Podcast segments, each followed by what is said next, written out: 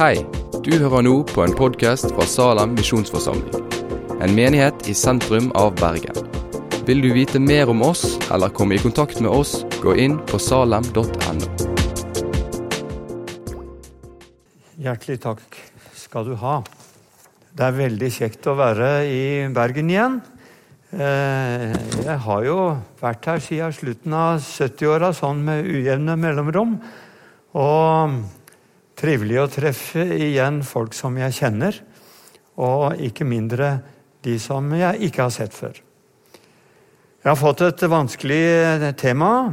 Hva koster det å være disippel? Ja.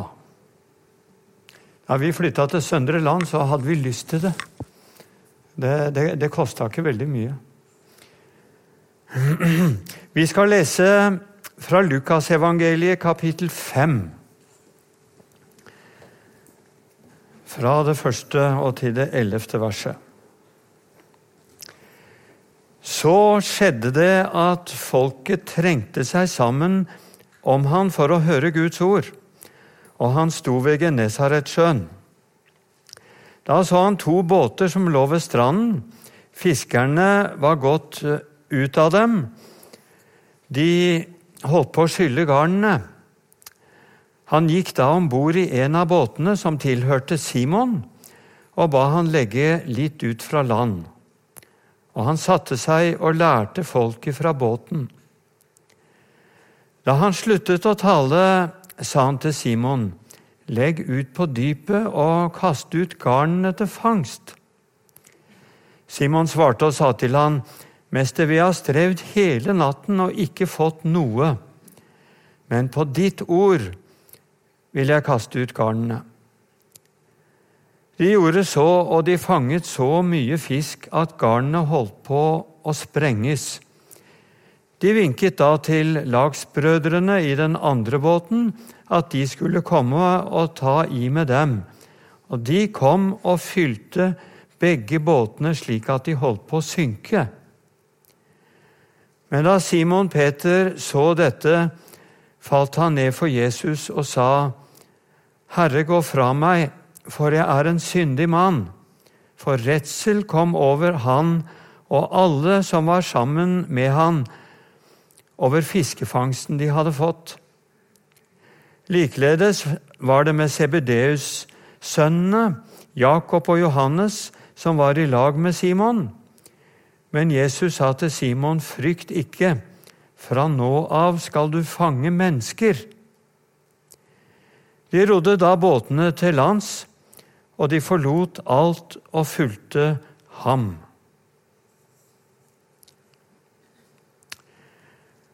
Hva koster det å være disippel?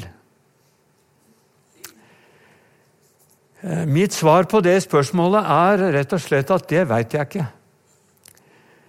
Ehm, jeg veit ikke, men jeg vet at Peter ble martyr. Han ble etter eget ønske korsfestet med hodet ned i Roma en gang på 60-tallet. Eh, Paulus ble halshugget omtrent på samme tid, også i Roma.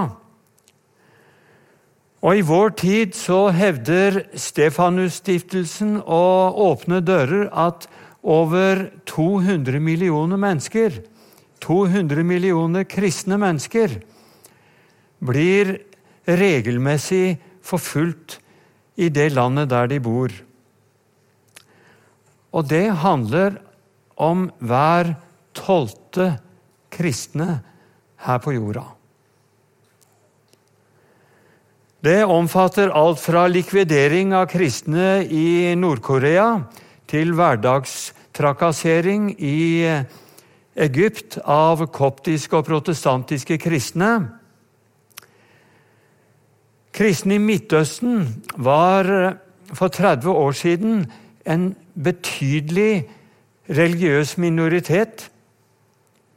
Eh, I dag har de fleste eh, emigrert til Vesten fordi de er blitt forfulgt. De trenger vår forbønn, og de trenger medias oppmerksomhet i langt større grad enn tilfellet er her i Vesten. Det er ikke noe nytt at kristne mennesker blir forfulgt. Helt fra Stefanus ble tatt livet av i Jerusalem, og framover så har den kristne menighet mer eller mindre vært forfulgt. Hvis vi går litt eh, østover fra Romerriket til det persiske riket, så ble det på 300-tallet en stor forfølgelse som nesten sammenhengende har vart fram til i dag i dette området. I år 448 så ble på en eller to eller tre dager 153 000 kristne likvidert. Eh, det er det veldig få som er klar over. Det persiske riket eh, hadde styresmakter som forfulgte de kristne veldig, veldig brutalt.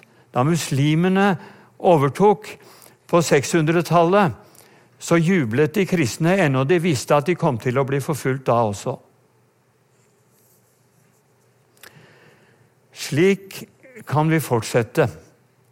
Forfølgelse representerer på sett og vis normaltilstanden for veldig mange av våre kristne brødre og søstre rundt omkring, rundt omkring i verden.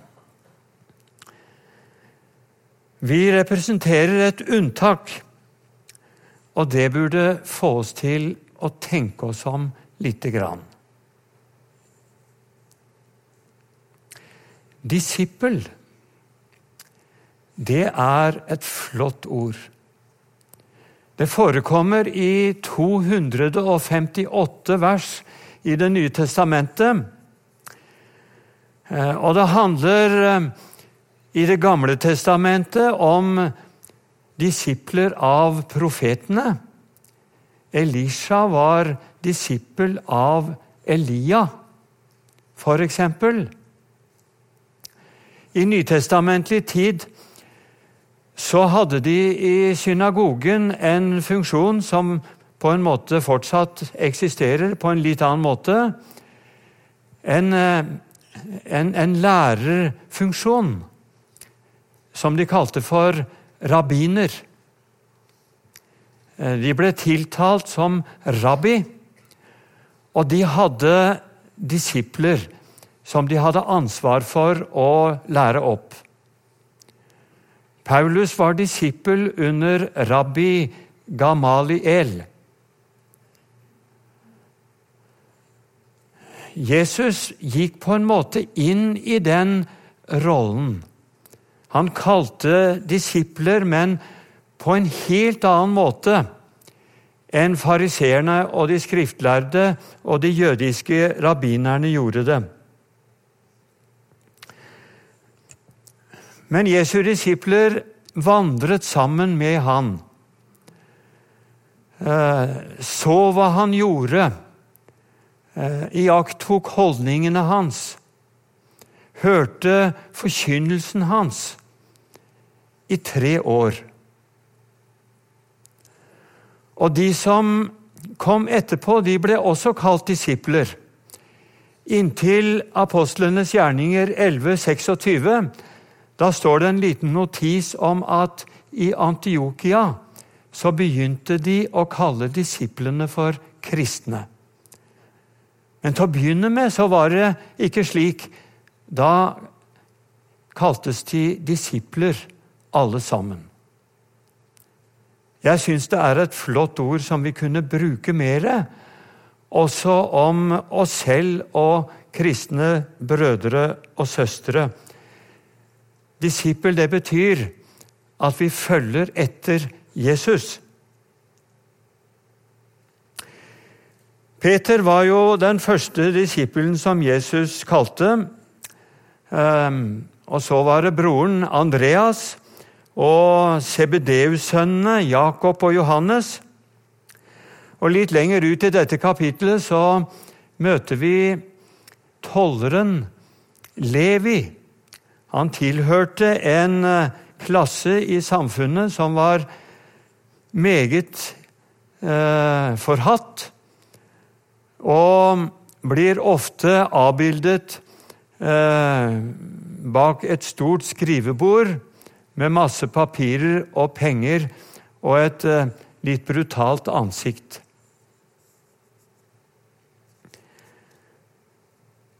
Eh, det Jesus sier til Levi, det er ganske enkelt 'følg meg'. Og det Jesus sier da, det er det grunnleggende kallet for alle Jesu disipler, også deg og meg. Det er ingen som kan si at jeg ikke har noe kall. Vi har alle et kall til å følge Jesus, og det er overordnet alle andre kall.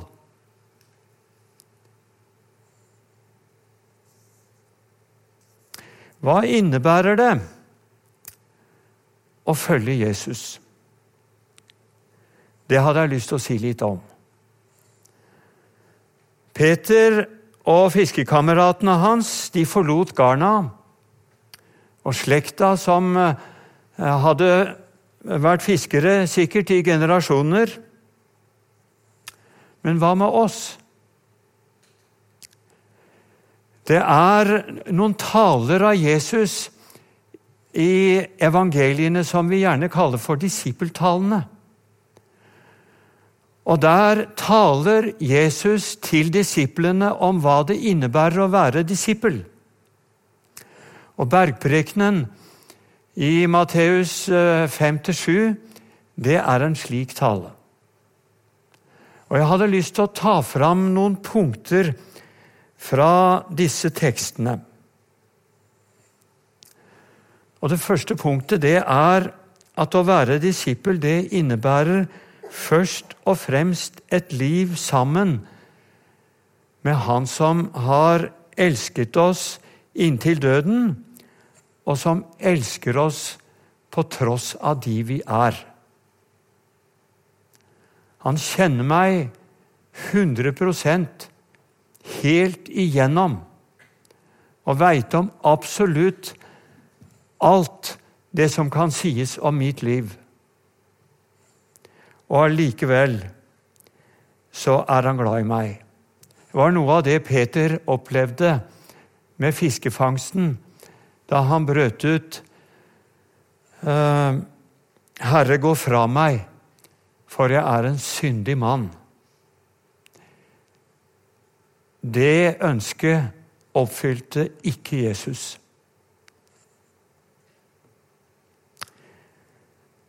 Da Peter skulle gå på sitt aller største nederlag noen år senere, da han fornektet at han kjente Jesus tre ganger. Da visste Jesus det i forveien.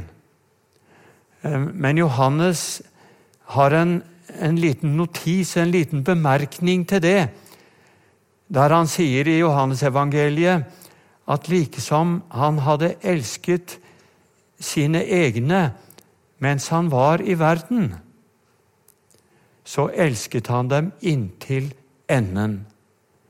Like inn i det dype nederlaget. Den, det øyeblikket da du kommer fra nederlaget i ditt liv, så har du lov til å tenke at jeg er elsket av Han likevel.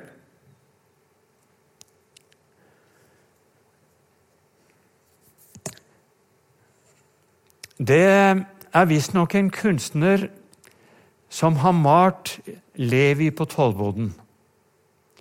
Jeg vet ikke hvor bildet henger hen, men jeg har fått det beskrevet. Han sitter der bakom det store bordet med masse rart foran seg, og med en fortid som ikke er helt bra. Og så kommer Jesus inn, og sier til han, 'Følg meg'. Og da fremstiller denne kunstneren uh, Levi sånn at han peker på seg selv og har et uttrykk av himmelfallen overraskelse. Er det meg du mener, Jesus? Skal jeg få lov å følge deg?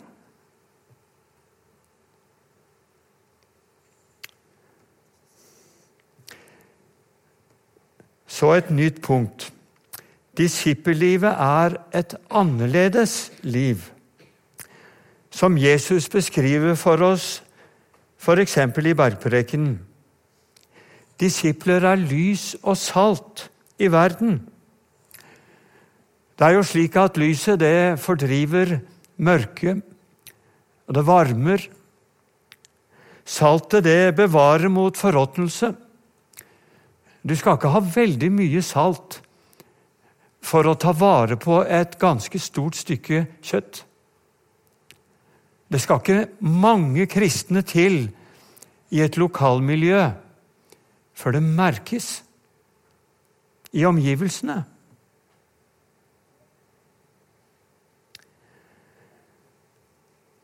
På den måten så skal de se våre gode gjerninger, sier Jesus, og prise Far i himmelen.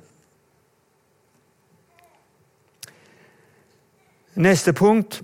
Jesus kaller disiplene til å elske sine fiender. Vende det andre kinnet til. Gå en ekstra mil. Dette er hverdagen, folkens, i møte med andre mennesker. Disippelliv handler ikke først og fremst om møter og gudstjenester, men det handler om hverdagen vår i møte med familie, naboer, venner og arbeidskolleger. Det er der prøven står. Disipler har en skatt i himmelen, sier Jesus, og derfor er de varsomme med skattesamling her på jorda. Jeg har mitt å tenke på, og du har ditt. Det er et vanskelig område for oss som bor i dette landet. Havesyke, en sykdom som består i at jeg må ha mer og mer. Men det har med disippellivet å gjøre. Og så Disipler er klar over at det ikke går an å tjene to herrer. Derfor søker de først Guds rike og hans rettferdighet. Det går ikke an å tjene Gud og mammon, sier Jesus. Enten vil du hate den ene og elske den andre, eller motsatt. Disipler har lært av mesteren å be, å kalle Gud far. Fader vår, du som er i himmelen. En helt fantastisk bønn når vi virkelig begynner å gå inn i de enkelte leddene. Disipler har lov til å be slik, og på mange andre måter. Disipler er menneskefiskere. Jesus vil ha flere disipler. I Matteus 9 og i kapittel 28 sender han dem ut for å gjøre disipler. Misjonsbefalingen har bare eh, ett ord i imperativ. De andre verbene er stort sett partisipper. Og det imperativet er 'gjør disipler'.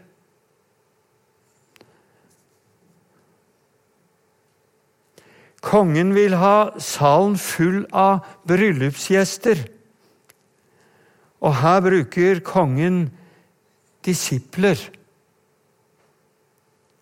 Det er en gammel legende som, eh, som eh, er en legende, men den har et poeng som er bibelsk. Nemlig at da vår Herre Jesus ble tatt opp til himmelen, så var de første som møtte ham, det var englene. For de hadde observert hva han hadde gjort i forhold til disiplene for et lite øyeblikk siden. Hva om de feiler, sa englene. Har du da en annen plan?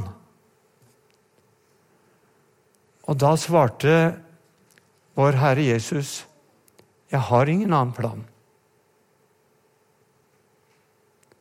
Misjonsoppdraget, det tilhører disiplene.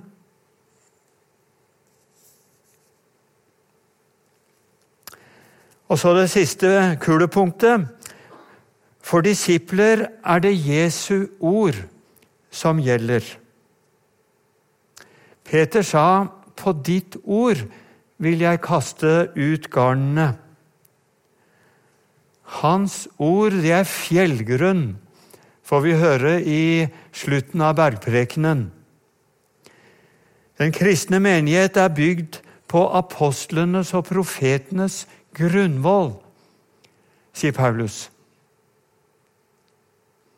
Disiplene, de holder seg til det Jesus har sagt. Det har autoritet, og der er normen. Svaret på spørsmålet som temaet vårt stiller, det er egentlig dette, har jeg kommet til. Jesus vil ha hele deg, hele personligheten din tanker, følelser og vilje. Tiden din, utdannelsen din, energien din, kreativiteten din. Han vil ha alt sammen. For det er han som har gitt deg det, og det hører dypest sett han til. Og det er på sett og vis en høy pris. Livet som disippel, det er motstrøms. Bibelsk etikk, det er motkultur. Det må vi bare regne med.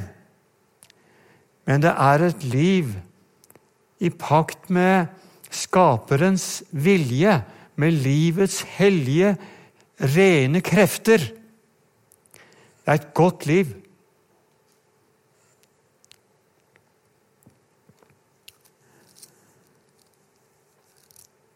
For eh, noen år siden så hørte jeg eh, et referat fra et møte i London om eh, en av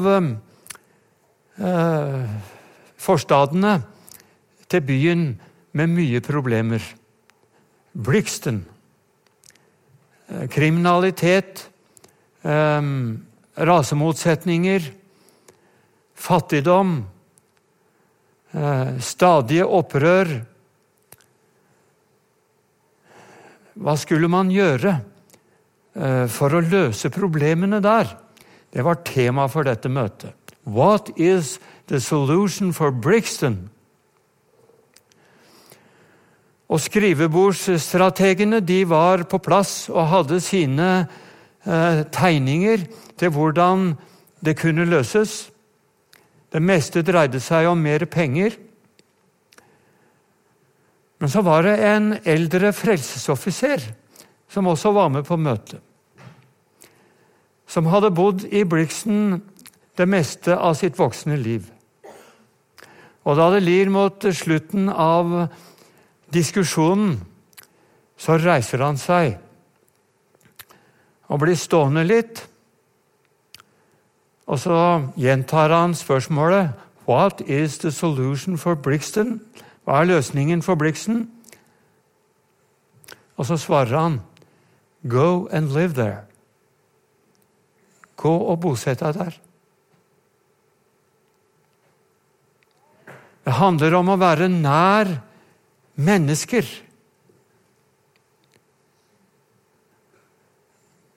Nær mennesker. Da vi flytta til Søndre Land, så var det fordi vi hadde så lyst å komme på landet. Og vi syntes den gården var så fin. Og vi har hatt eh, noen år der vi har eh, liksom blomstra litt opp igjen. Selv om vi er eh, blitt eh, gamle og skrøpelige på sett og vis, så, så, så er det skjedd noe med oss ved det at vi har fått nye utfordringer. Vi bodde 13 år på Fjellhaug, og Egil Sjåstad og familien var ikke noen stor evangeliseringsmulighet for oss. Men nå er vi midt oppi det. Vi er de eneste i Bergegarda som vi veit om, som er aktivt bekjennende kristne. Det er intet bedehus i vår kommune, og det er meget få som går i kjerka, og det er ingen misjonsforening for noen kristen organisasjon. Men vi får lov til å være der og ha fått alle tiders naboer. Som vi er blitt så utrolig glad i, og som eh, betyr så mye for oss. Akkurat like før møtet begynte, så fikk jeg eh, SMS fra Anita. 'Jeg har skutt i en okse'. Vi, jeg er med på elgjaktlaget, eh, og da kommer du nær innpå mennesker. Jeg er med i Søndre Land jeger- og fiskeforening.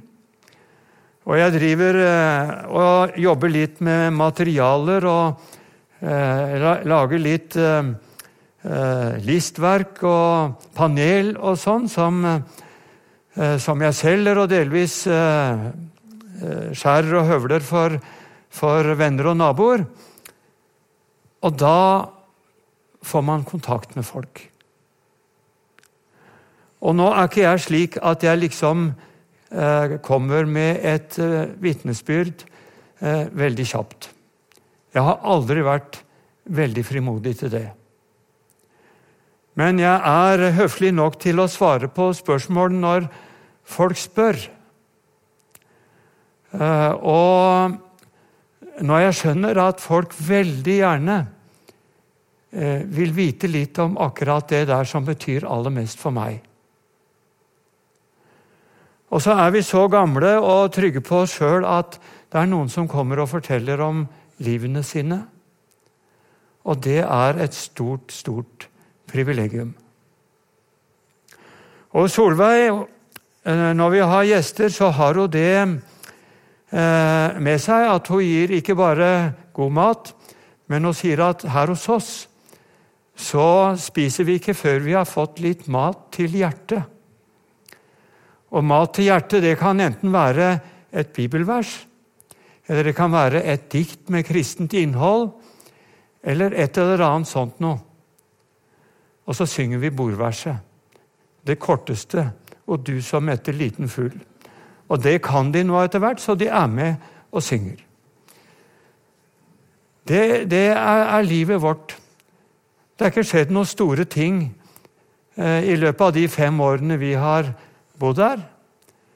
Men vi føler at det er meningsfylt, og kanskje Gud på et eller annet tidspunkt vil gjøre noe. Jeg jobber litt i, i skogen, og en av aktivitetene det er å plante skog etter at vi har høgd. Og Når vi høgger, så er det 70 år siden forrige gang det ble høgd. Og Når jeg setter dette lille hølet i bakken og setter ned den bitte lille granplanten, da veit jeg at det er 70 år minst til neste gang. Det er noe langsiktig Det er noen eh, vekstprosesser som må til før eh, det går an å høste. Kanskje det går an å tenke litt sånn også i det kristne arbeidet. Vi lever ikke i en tid hvor det er store vekkelser og mange som kommer til tro. Men vi lever i en tid hvor det er mange mennesker som eh, lengter, og som er åpne, og som gjerne vil ha kontakt med en kristen. Og så er det slik at eh, jo, dette livet det har en kostnadsside, også i vårt land. Det har det. Men det er for lite å regne mot storheten i det å få vandre sammen med Jesus et helt liv. Men det er noen regnværsdager, og det er noen solskinnsdager. Det er som Kingo skriver, aldri er jeg uten våde, aldri dog for uten nåde. Alltid har jeg sukk og ved, alltid kan jeg Jesus se. Alltid trykke mine synder, alltid Jesus fred forkynner. Alltid er jeg stett i tvang, alltid er jeg full av sang. Kjære himmelske Far, vi takker deg fordi du har kalt oss til å være dine disipler. Å være i følge med deg i skiftende faser i livet, i medgang og motgang, i sykdom og helse. Herre, du har gitt oss så mye godt fordi vi fikk lov å være dine. Og nå ber vi deg om at du må gi oss kjærlighet og visdom og oppfinnsomhet til å finne veiene og dørene inn til våre medmennesker. Om vi kunne få være med og vinne noen, Herre. Vi ber om det i ditt navn. Amen.